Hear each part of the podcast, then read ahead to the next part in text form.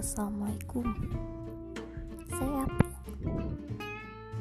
Yang tentu saja lahir bulan April Si Taurus yang keras kepala Yang hanya ingin satu Yang dia Di podcast ini Kita Maksudnya saya akan menceritain Tentang Relationship Saya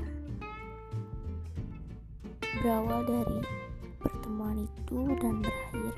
Dengan begitu saja. Pokoknya akan saya ceritain. Stay tune.